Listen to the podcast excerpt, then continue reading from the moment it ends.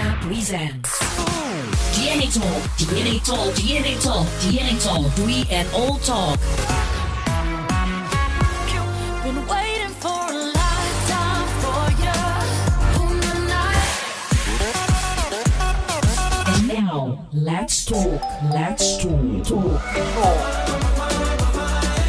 Oke, selamat pagi, selamat siang, selamat sore, dan selamat malam. Tergantung kapan aja kalian lagi dengerin podcast ini. Uh, it's so great to be back again in this podcast. After episode terakhir, episode 13, kalau nggak salah gue ngobrolin kenapa sih bisa nikah sama anggota Polri yang kemarin nih, episode kemarin bareng Tutut. Tapi kali ini agak berbeda. Teman-teman semuanya pasti udah lihat dari judul podcast kali ini.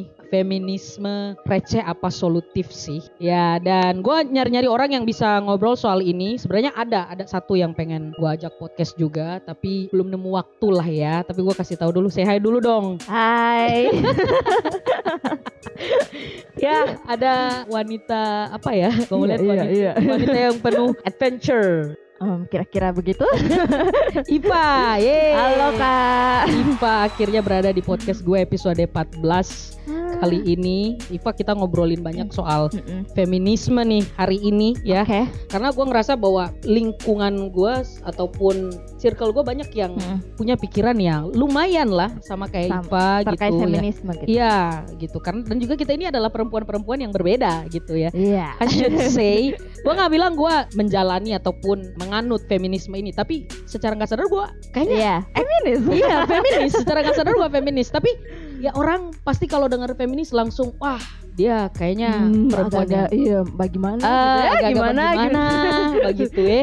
Nah kalau menurut Ipa sendiri feminisme itu apa sih? Ada buku dari Shimamanda penulisnya, dia seorang feminis Afrika. Dia Hmm. bilang begini, feminis itu adalah ketika perempuan dan laki-laki menyatakan bahwa oh ada masalah dengan gender hari ini Hmm. dan kita sama-sama harus punya solusi untuk menyelesaikan masalah itu gitu. Itu feminis yang diartikan oleh Chimamanda itu. Kalau disimpulkan secara sederhana menurut aku, Hmm. sebenarnya feminis itu kan banyak tuh yang bilang bahwa feminis itu gerakan perempuan. Ya, Iya. benar. Tapi kalau mau diartikan secara sederhana, sebenarnya tidak usah muluk-muluk mengartikan feminis bahwa feminis itu adalah kesadaran atau kepekaan terhadap isu perempuan dan Hmm. isu kemanusiaan. Isu perempuan pada khususnya dan isu kemanusiaan, Kemanusiaan pada, umumnya. Belakangan Begitu. postingan Instagram kamu soal feminisme ya. Iya, seperti itu. Ah. Kenapa terdorong untuk memposting soal feminisme sekarang? Coba kasih tahu akun Instagramnya apa dulu nih? Akun Instagram @makfirah, sorry agak lebay A-nya 3. Makfirah ya. Mudah-mudahan dia nggak ganti username ya. Eh, tidak akan. Tidak akan karena kemarin bukan itu soalnya. Iya sih. udah diganti gitu.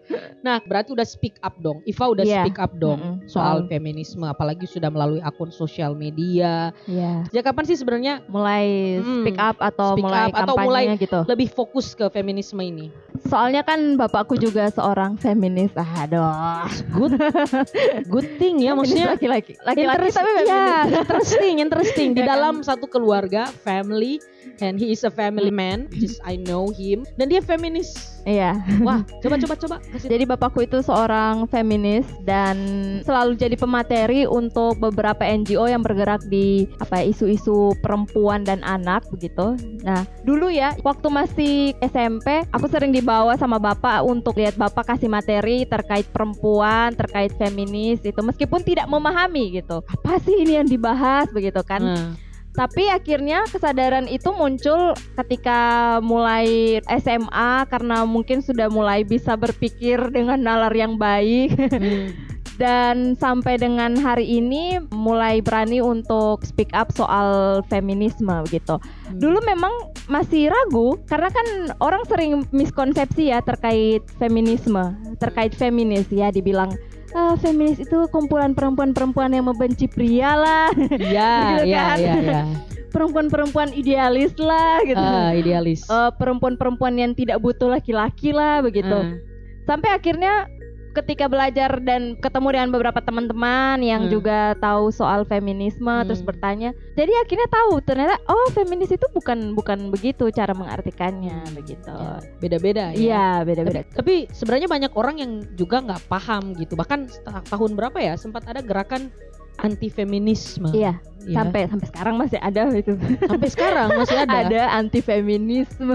Ya itu karena memang mereka mungkin agak nyambung dengan agama ya. Kalau kita Ah, bahas soal oke. agama memang agak sensitif sih. Iya. Apalagi kalau misalnya dalam agama kita, agama Islam. By the way, gue Muslim ya. Juga Muslim Iya. yang lagi menyimak podcast ini. Jadi di dalam agama Islam itu eh, katanya perempuan sudah lebih dimuli, sudah lebih dulu dimuliakan. Dimuliakan. mm-mm. Gitu. Ngapain ada gerakan-gerakan Iya, gerakan feminisme gitu. Tapi kalau menurut gua secara reality ya banyak juga walaupun kita Ah. udah dimuliakan Banyak masalah gitu sebenarnya. Iya gitu. Dalam Banyak- artian gini, contoh aja nih ya di dalam ruang lingkup pekerjaan di Hollywood, di Hollywood sana Mm-mm. itu bayaran aktris atau ya aktris ya perempuan, ya, Perempuan. itu di bawah dibandingkan aktor. Mm-mm. Itu gue ngerasa heran gitu. Makanya kalau menurut gue ya feminisme penting di kehidupan nyata ini penting gitu. Walaupun memang sudah digariskan ya kalau misalnya dalam agama kita Islam perempuan, sudah Perempuan lebih dimuliakan. dimuliakan. ya. Tapi pada kenyataannya kita udah dimuliakan atau Mm-mm. belum nih oleh orang-orang sekitar? Menurut Iva Iya. gimana nih? Makanya tidak sedikit memang orang bertanya ke aku juga kak soal kenapa sih kamu perempuan Muslim terus mau menjadi feminis. Feminisme itu bukan ajaran agama Islam lah begitu, bukan budaya kita lah begitu. Hmm. Terus aku dengan terang-terangan bisa berani untuk bilang bahwa oh kalau memang feminisme bukan bagian dari kebudayaan orang-orang muslim atau kebudayaan kita sebagai orang Gorontalo atau orang Indonesia, maka hari ini saya memutuskan untuk menjadi perempuan feminis muslim karena bukan budaya yang membentuk kita, tapi kita yang membentuk kebudayaan itu kan. Dan kalau dikaitkan tentang agama, Mhm. tidak sedikit aku sering dapat DM dari orang-orang yang tidak dikenal bilang bahwa ah dia ini malu harusnya sama jilbabnya begitu. Yes. Kenapa mau menjadi menjadi seorang feminis tapi lupa bahwa sebenarnya kita sudah dimuliakan begitu. Selalu kan pernyataan alasannya itu adalah Islam sudah memuliakan perempuan. Ya. Laki-laki yang tidak mendukung feminis juga selalu bilang bahwa perempuan itu cukup dihargai dan dimuliakan saja gitu. Cukup Dalam artian kalau di realita ya udah Iya. kalian di rumah aja Iya. nggak usah ngapa-ngapain gitu. Iya kan? Kita udah menghargai kalian gitu. Tapi pada saat sebenarnya gitu. Iya. ya. Di rumah kita juga punya pekerjaan loh. Heeh. Yang orang bilang kalau misalnya ke seorang suami, istri lu ngapain? Nggak ada di rumah aja. Eh gila itu bukan nggak ada. Iya, Itu nyuci kerja. kerja itu dan Iya itu kan? sebenarnya bukan kodrat perempuan. Iya, sesuatu yang bersifat kodrat itu sebenarnya yang dari Tuhan gitu kan. Ya, Misalnya menstruasi. eh, iya menstruasi bahwa perempuan itu eh, akan menstruasi setiap bulan terus Yes. laki-laki tidak. Hmm. Perempuan punya rahim, laki-laki Ya. tidak. Itu kan sesuatu yang yang Kodrat. kodrat begitu. Tapi kalau misalnya perempuan harus menyuci, harus menyapu, harus melakukan seluruh pekerjaan domestik dan dan perawatan rumah, itu bukan kodrat. itu adalah eh, apa ya? yang bisa dibagi bersama Iya. gitu yang cowok pun bisa tanggung gitu. jawab semua manusia di muka Iya, bumi ini kan. iya. Ngapain? itu itu bukan bukan kodratnya dia gitu. Jadi gua gua jadi ingat kata-kata ma gua dulu waktu beliau masih hidup. Gua zaman SMP sama SMA, dia selalu boost gua untuk sekolah katanya gini. Mm-mm. Lu sekolah tinggi-tinggi gitu. Kenapa? Biar kerjaan lu pulang rumah bukan nyuci piring. Terus gue bilang, mah tapi kan kita harus wajib cuci piring. Iya, kita wajib Iya, cuci piring untuk kebersihan rumah kita. Tapi itu bukan main jobnya kamu Iya. gitu kan.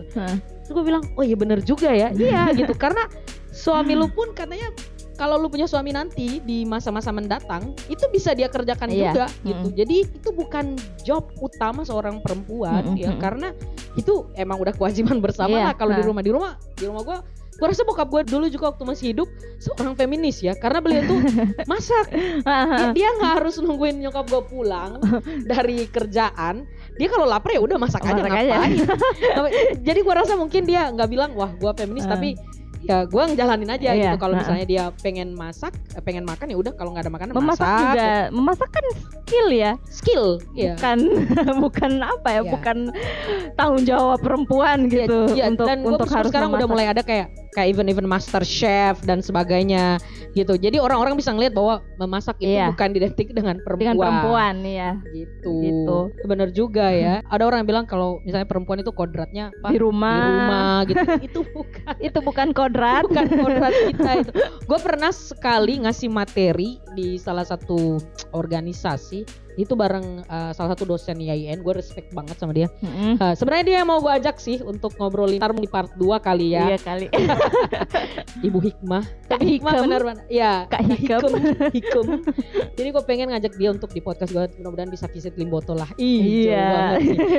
waktu itu dia ngasih materi yang bener-bener simple tapi ngena Mm-mm, gitu mm-mm. ngena banget sama seperti yang Ipa bilang tadi bahwa hal-hal yang seperti itu bukan kodrat kodrat itu adalah ketika ada yang diciptakan Tuhan dan nggak ada di di, Di- iya. di gender yang lain Iya, gitu. Jadi- dan perlu diingat juga bahwa perempuan-perempuan ini sebenarnya dalam menjalani hidup kesakitannya kita itu lebih banyak ya dari mulai Iya. menstruasi Makanya bilang perempuan itu manusia yang lemah. enggak Dikira itu apa ya? eh, menanggung beban.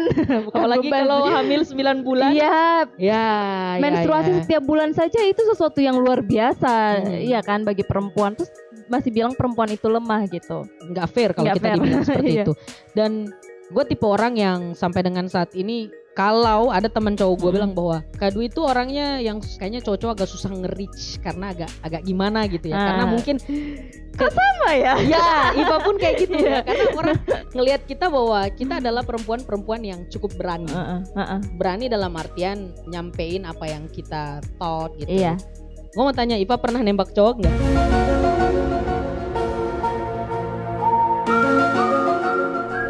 nembak itu bagaimana ya? Nggak, nggak. ngungkapin perasaan Pernah. pernah Ih, Ah. sama dong gila sama coba-coba dari Ipa perasaannya gimana dulu nih pas Jadi apa sih yang membuat Ipa mikir bahwa ya udah kalau gue suka ya gue Iya. bilang aja gitu kenapa karena persoalan taksir menaksir tembak menembak itu kan selalu dikonstruksikan dengan itu adalah urusan laki-laki begitu Ya. perempuan itu di selalu dibilang sebagai se- seorang yang yang apa ya yang hanya menunggu saja gitu laki-laki Hmm. datang gitu jadi ketika perempuan menyukai laki-laki menyukai seseorang dia secara tidak langsung terkonstruksi oleh hal tersebut gitu. Jadi dia jadi ragu untuk mengungkapkan perasaannya. Nah aku memilih untuk tidak tidak mengikuti hal tersebut. Ya. Jadi suka ke laki-laki dan memilih untuk terus terang. Yes. Karena menurutku itu cuma persoalan perasaan ya gitu kan? itu bener. Gila kita nyambung ya kali ini. Tidak akan membuat nilaiku sebagai manusia atau sebagai perempuan itu berkurang atau Berkurang. bertambah gitu. Benar benar benar. Itu cuma urusan perasaan gitu. Ya Udah lah, ayolah laki-laki di luar sana.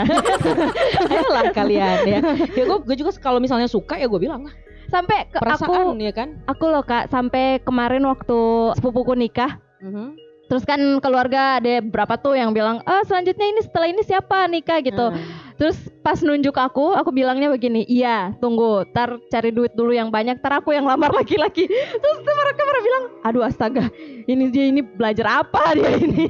padahal sebenarnya biasa aja Biasa aja. karena menurut gue kita kan manusia kita equal di mata Tuhan Iya, yang berbeda memang gender kita dan sama yang seperti Iva bilang di awal tadi bahwa budaya itu kita yang bikin dari dulu Iya. budayanya Hah. adalah laki-laki yang harus iya, mengungkapkan iya perasaan itu. gitu tapi kenapa is that so wrong untuk kita perempuan untuk bilang ah gue suka sama lu atau Iya. gue suka sama orang ini kan nggak apa-apa gitu Iya, tidak jadi Namanya- masalah. ya namanya juga orang suka gitu lagian kan kalau jodoh kan harus ikhtiar ya Iya, ah, iya, jodoh iya. itu udah ada tapi kita harus ikhtiar juga Ikhtiar, iya. gitu kan nggak masalah kalau misalnya kita bilang zaman nabi juga dulu ada yang suka sama nabi Iya, gitu kan, terang-terangan kan. perempuan gitu dari daripada juga kita harus menyimpan perasaan dan menurut gue memang benar kata Iva tadi itu nggak bakalan mengurangi atau melebihkan Iya, nilai. eh, nilai dari kita sebagai seorang manusia tapi salahnya itu kalau misalnya kita mengungkapkan perasaan kita kepada laki-laki yang dia masih berpikir pola patriarki Iya, laki-laki dengan pemikiran yang patriarki. Ada juga perempuan yang punya pemikiran patriarki Ada gitu. ya. Jadi jadi patriarki tidak hanya terjadi antara laki-laki ke perempuan,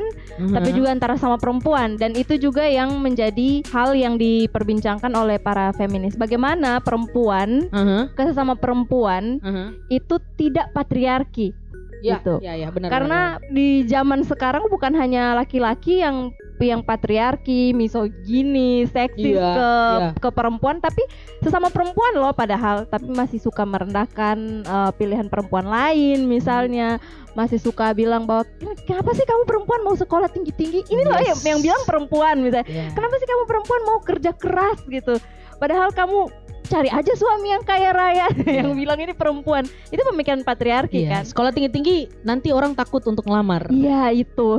Ya, bukan takut, berarti orang yang mau ngelamar aja nggak punya Iya. kualitas. Kena- kenapa kenapa kita harus mengurangi kualitas kita hanya karena orang insecure kan? Iya, gitu. Sebenarnya itu nilai plus ya, Ipak. Ya kalau kita sekolah tinggi-tinggi ntar nikah, mereka harus Iya. bangga gitu Iya, ya. kan? Kita nggak nyusahin orang. Anak kita nantinya juga bakalan dapat ibu yang Yang- orang tua yang smart iya. gitu ya, yang punya latar belakang pendidikan bagus. Itu sebenarnya nilai plus. Kenapa harus insecure? Iya gitu? makanya kan. Kan aneh banget. Tapi ada nggak ya, eh, Iva orang yang feminis, tapi mereka punya goals berbeda? Pada umumnya feminis di mana pun itu punya satu tujuan besar yaitu terkait equal atau kesetaraan antara laki-laki dan perempuan begitu. Jadi kalau mau feminis di Indonesia, feminis di mana pun di negara mana pun gitu, itu punya satu tujuan besar yaitu bagaimana perempuan dan laki-laki bisa setara secara apa pun di, dan di ruang mana pun. Tapi kalau misalnya goals yang berbeda-beda itu kadang tergantung aliran feminisnya dia gitu. Misalnya Hmm. ada ada orang yang dia lebih fokus membahas soal bagaimana hubungan keterkaitan antara perempuan dan lingkungan Hmm. gitu atau perempuan dan agama misalnya atau perempuan dan apa ya dan urusan Kasus-kasus yang ada. iya gitu Seperti eh, pelecehan seksual. pelecehan dan- seksual Ini sebenarnya mau gitu kita kan. bahas juga sih sebenarnya ya. iya Ah, apalagi kan masih Masih Hangat-hangat ya. hangat-hangatnya gitu ya. Jadi oh ya, jadi beda-beda ya.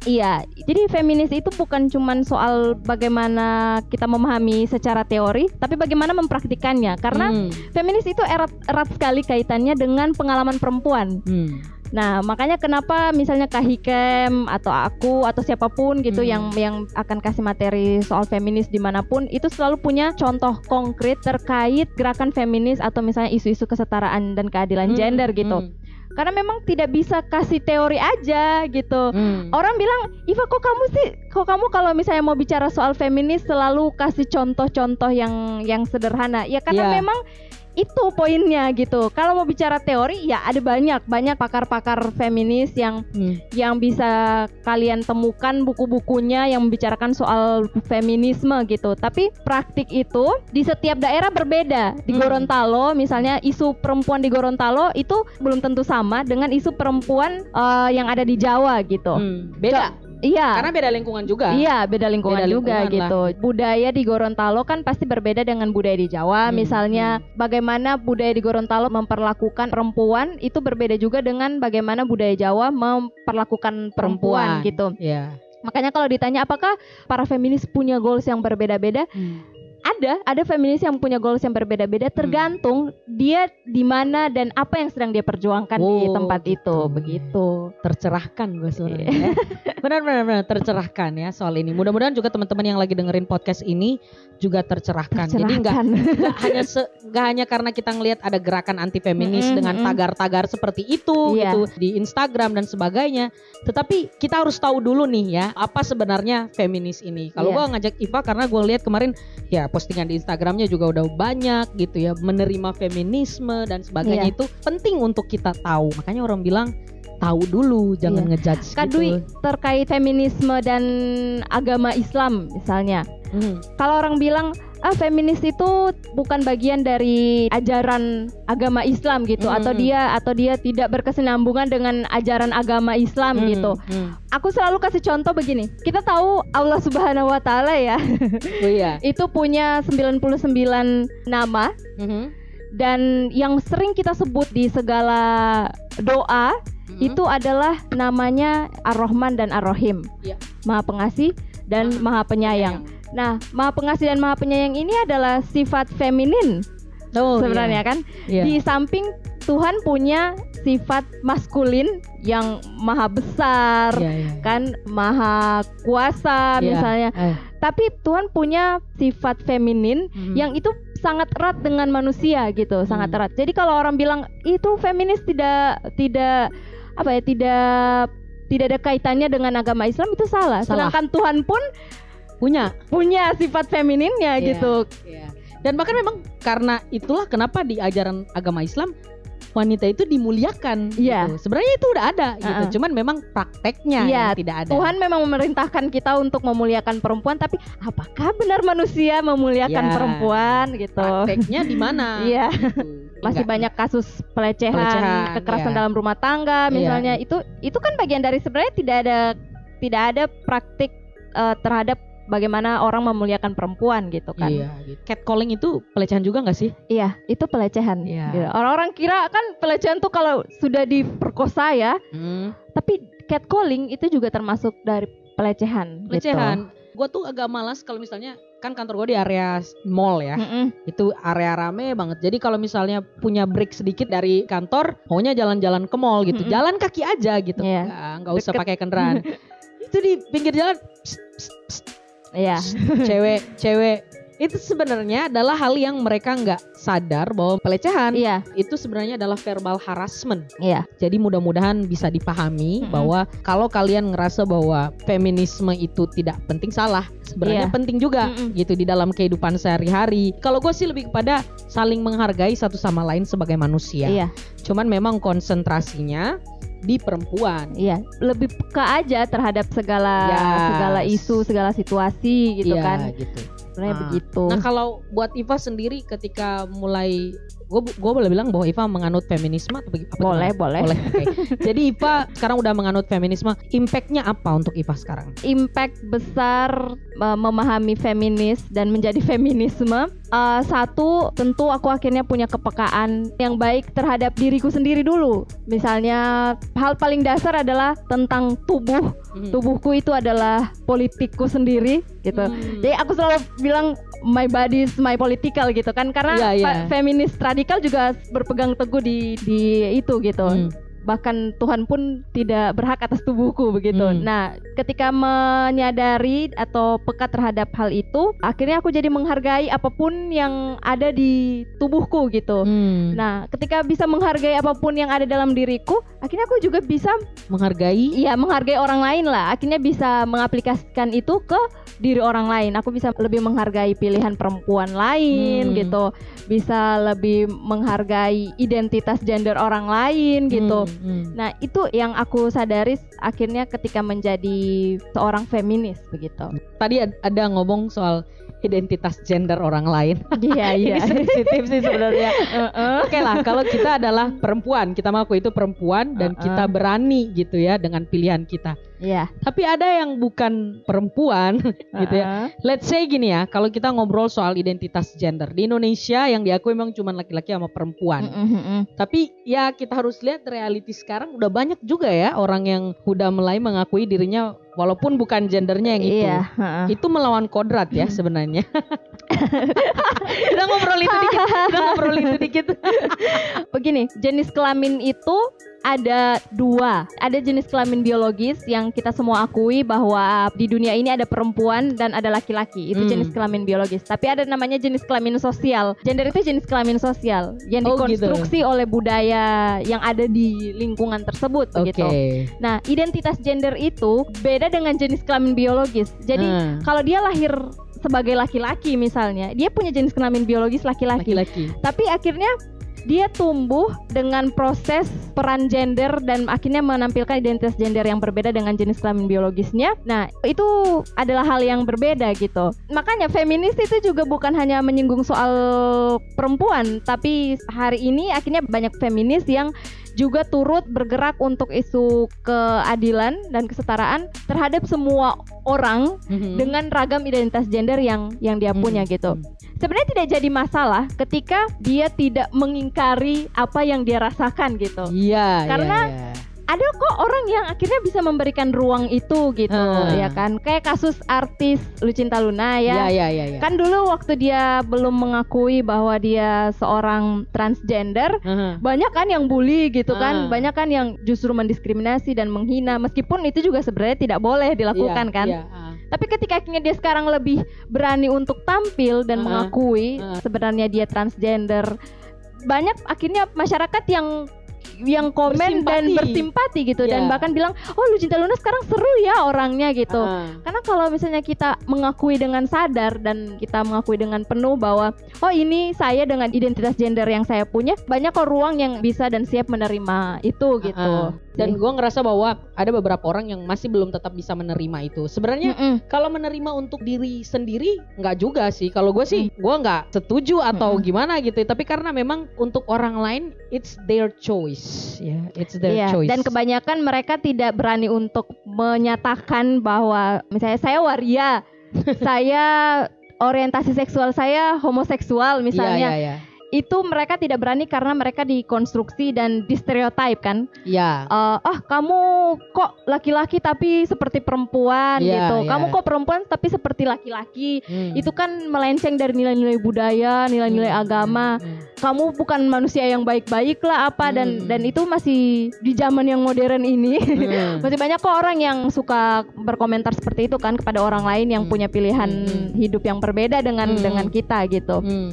Terus ada ada namanya heteronormativitas gitu. Hmm. Jadi orang-orang yang heteroseksual Hmm. itu menormalisasi bahwa oh yang normal gitu, yang wajar itu adalah ketika perempuan menyukai laki-laki atau laki-laki menyukai perempuan. Ketika di luar dari hal itu itu tidak Wajar. jadi sesuatu yang wajar dan tidak jadi sesuatu yang normal. Itu yang disebut sebagai heteronormativitas gitu. Oh, Jadi iya. kalau misalnya semua orang akhirnya menyadari, kemudian merekonstruksi pemikiran bahwa tidak semua perempuan itu akan beridentitas gender perempuan dan tidak semua laki-laki akan beridentitas gender laki-laki, banyak kok akhirnya yang bisa mengakui diri bahwa saya laki-laki tapi saya lebih nyaman untuk punya identitas gender yang seperti perempuan misalnya. gitu. Iya, dan gue gue juga nggak nggak pernah ngejudge orang dengan pilihan hidup mereka. Mm-mm, gitu ya. It's their life, it's their choice gitu. Iya, Tapi kebanyakan orang yang menganut feminisme bisa menerima. iya, Gitu. bisa sekali. Iya, makanya orang juga sering ngerasa bahwa wah ini nggak benar. Iya, Fem- makanya. orang feminis ini nggak Mm-mm. benar gitu. Ah, mendukung LGBT lah. Iya gitu. Paling mereka tuh LGBT juga. Nah, nah Iya itu, kan? itu itu itu yang mereka pikir. Padahal sebenarnya kita nggak mendukung, tapi kita hanya bisa menerima aja dengan pilihan orang lain gitu kan nggak mungkin kalau misalnya teman kita sendiri terus kita jauhi atau apa Mm-mm, gitu ya mm-mm. kan. Ya kalau gue ada beberapa temen lah, tapi kan nggak mungkin kan gue jauhi hanya karena mereka punya orientasi seksual yang Mm-mm. boleh dibilang tidak Yang kebanyakan. berbeda gitu. Ya, tidak Heeh. kebanyakan. Tapi kalau menurut gue sekarang generasi Z itu adalah tipe-tipe yang sudah sangat terbuka ya Mm-mm. mereka banyak yang ngerasa kalau oh temen gue kayak gini orangnya ya udah biarin aja gitu Hmm. cuman memang kalau generasi milenial belum terlalu bisa menerima sih kalau Iya. menurut gue ya karena tumbuh dan berkembang di ya orang tua kita dulu kan sangat konservatif ya. konservatif konservatif Tumbuh dan berkembang di lingkungan yang memang keras, Ya. konservatif dan itu mau diajarkan ke anak-anak generasi Z ah. sekarang gitu. Tapi Hmm. karena sudah banyak literatur yang bisa diakses, sudah Hmm. banyak sekali kemudahan informasi atau media dan Hmm. sebagainya, banyak kok generasi Z yang akhirnya menyadari uh, bahwa oh pemikiran konservatif orang tua kita zaman dulu itu sebenarnya tidak boleh diterapkan di sekarang gitu Hmm, atau iya, iya, itu agak keliru gitu Hmm. sebenarnya pemikirannya. nah sebenarnya kalau orang-orang feminis itu banyak baca ya Iya. banyak baca jadi nggak receh loh ya orang-orang feminis itu nggak Iya, receh mereka justru memilih menganut feminisme ini karena mereka tahu dan mereka baca dan Ha-ha. mereka banyak melakukan research Iya, gitu Ba- dan ber- membaca tidak hanya buku tapi membaca pengalaman, Pengalaman, perempuan gitu. gitu, Ah. membaca pengalaman manusia yang lain Heeh, gitu. dan akhirnya punya pandangan dan akhirnya punya perspektif ketika ada sesuatu yang terjadi contohnya kalau misalnya ada case pelecehan seksual Mm-mm. atau case di mana perempuan eh, tidak dimuliakan atau perempuan tidak dihargai akhirnya kita punya sikap ataupun Iya. peran yang bersifat solutif Iya. gitu. Jadi Heeh. kayak judul kita hari ini feminis receh apa solutif ya solutif, lah Solutif kalau dong. menurut gua itu solutif banget gitu last one nih. Iva ngelihat ada gerakan feminisme di Gorontalo. Perspektifnya Iva gimana? Bagus ya kalau misalnya akhirnya ada beberapa kawan yang menyadari pentingnya feminisme itu kemudian membentuk sebuah kelompok atau membentuk media yang memang dia membicarakan isu gerakan perempuan gitu. Hmm, hmm. Sekarang banyak kok perempuan di Gorontalo yang sebenarnya dia feminis gitu. Tapi dia nggak nyadar. dia tidak menyadari dan Kayak gua. tidak mau menyadari gitu. Kayak gue, kalau gue sekarang udah sadar ya, udah dikasih pencerahan sama Iva tadi. Thank you by the way. Banyak perempuan di Gorontalo yang dia masih belum mau mengakui secara terang-terangan bahwa Hmm. oh saya ini feminis gitu. Karena apa? Karena dia masih ragu dengan pemikiran yang yang miskonsepsi terhadap Hmm. eh, feminis gitu. Hmm. Jadi pandanganku sampai dengan hari ini masih terbatas seperti itu gitu. Kayaknya perempuan Gorontalo yang misalnya dia menganut feminisme kemudian berani untuk menyatakan diri bahwa oh saya ini feminis itu hanya bisa dihitung jari gitu. Iya, iya. benar. Banyak yang berkontribusi di hal-hal yang berkaitan dengan isu kesetaraan dan keadilan gender atau isu-isu gerakan perempuan. Tapi dia ketika kamu feminis, ah enggak enggak saya bukan feminis gitu. Mungkin takut kalau Iya, orang takut. bilang tambah-tambah urusan. Iya begitu kan. Nah di Gorontalo sampai dengan hari ini masih masih seperti itu dari pandanganku begitu. Tapi semoga dengan mendengarkan podcast ini banyak perempuan yang sebenarnya selama ini sudah berjuang sama-sama bergerak sama-sama Yes. dalam isu perempuan tidak ragu lagi untuk menyatakan diri sebagai seorang feminis gitu. Amin, amin. Karena penting sekali loh menjadi feminis untuk menumbuhkan rasa kepekaan itu. Kembali Iya. lagi ke kepekaan terhadap segala isu perempuan dan isu kemanusiaan yang ada di di sekitar kita lah Hmm, begitu. Apalagi dengan budaya kita yang sangat patriarki ya. Iya, benar Iya, sekali. gitu ya. Sebenarnya fokusnya ke yang baik-baik aja gitu ya, Mm-mm. bukan yang yang jelek-jeleknya gitu. Lagian juga orang-orang feminis pasti mereka punya alasan tersendiri kenapa mereka harus memperjuangkan hak mereka sebagai seorang Iya. perempuan biar bisa equal dengan laki-laki ataupun bisa setara dengan laki-laki. Good conversation Ipa Iya. di podcast kali ini. Gua ngerasa solutif ya ngobrol sama Ipa. Ternyata feminis itu solutif ya. Tergantung kita bagaimana melihatnya dan tergantung Mm-mm. apa yang uh, menjadi fokus kita Iya. gitu. Kan Mudah-mudahan banyak cabang aliran feminis gitu. oh banyak tergantung. gitu dan kita harus banyak punya base literatur yang lumayan Iya, juga iya. untuk bisa memahami. Gue pengen ada part 2 nih sama Hikam mudah-mudahan dia bisa mendengarkan podcast ini dan Ah, semoga. punya niat ya, punya niat. Thank you, thank you so much teman-teman semuanya yang udah menyimak. Thank you Ipa untuk Iya, hadir di podcast gue episode 14. Ini gue set to rilis tanggal 28 September. Mudah-mudahan bisa ya. Kalau bisa berarti udah rilis di 28 September ini karena itu adalah hari masuk hari informasi, hari kereta api, hari informasi sedunia. Pokoknya gitu deh. Ya, terima kasih teman-teman semuanya. Kita akan jumpa lagi di podcast episode selanjutnya. Thank you Iva. Iya. See you on the next podcast and jangan lupa untuk langganan follow di Spotify ya.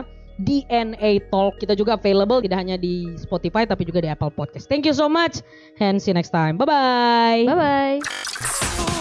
DNA Talk, DNA Talk, DNA Talk, DNA Talk, we and all talk.